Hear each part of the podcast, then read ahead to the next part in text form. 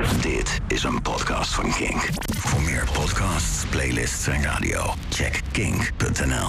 Kink. Kink op de week. Afgelopen week werd Wouter M. veroordeeld tot een maand cel en een jaar voorwaardelijk. Hij had namelijk een schilderij niet kapot gemaakt.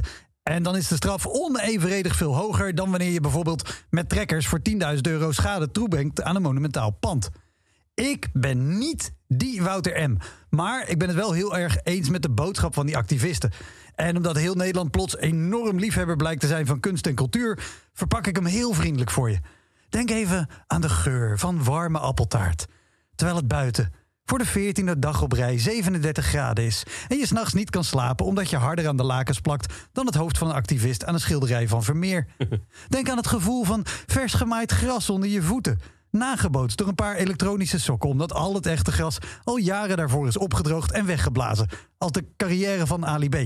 Of denk aan met een drankje in je hand genieten van de ondergaande zon bij het strand van Zwolle aan Zee. En samen lachen dat we kunstwerken beschermden tegen soep, maar dat niemand bedacht dat een museum onder zeeniveau de domste plek ooit is voor onvervangbare kunst. Je bewaart je duurste wijn toch ook niet in de koelkast van de Meilandjes? Dat gaat een keer mis. Al die schilderijen in het Mauritshuis eindigen binnen nu en 100 jaar als het dagboek van kapitein Ortega. Zijknat vastgeklemd in de handen van iemand die ze tevergeefs probeert te redden. In de week waarin een VN-rapport voor de zoveelste keer zegt, nee, schreeuwt: Mensen, we gaan allemaal naar de tering en het wordt nog erger dan een concert van de toppers.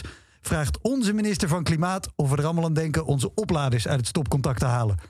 Tegelijkertijd haalde de rechter voor de zoveelste keer een streep door een sluipweggetje dat onze reg- regering heeft bedacht om toch gewoon te blijven produceren en consumeren alsof er niks aan de hand is.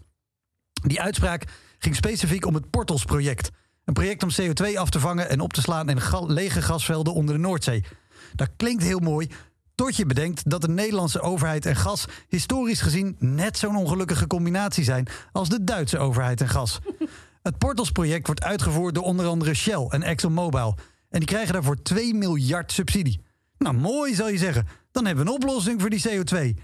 Ja, maar Shell en ExxonMobil maakten in het afgelopen kwartaal samen bijna 30 miljard winst.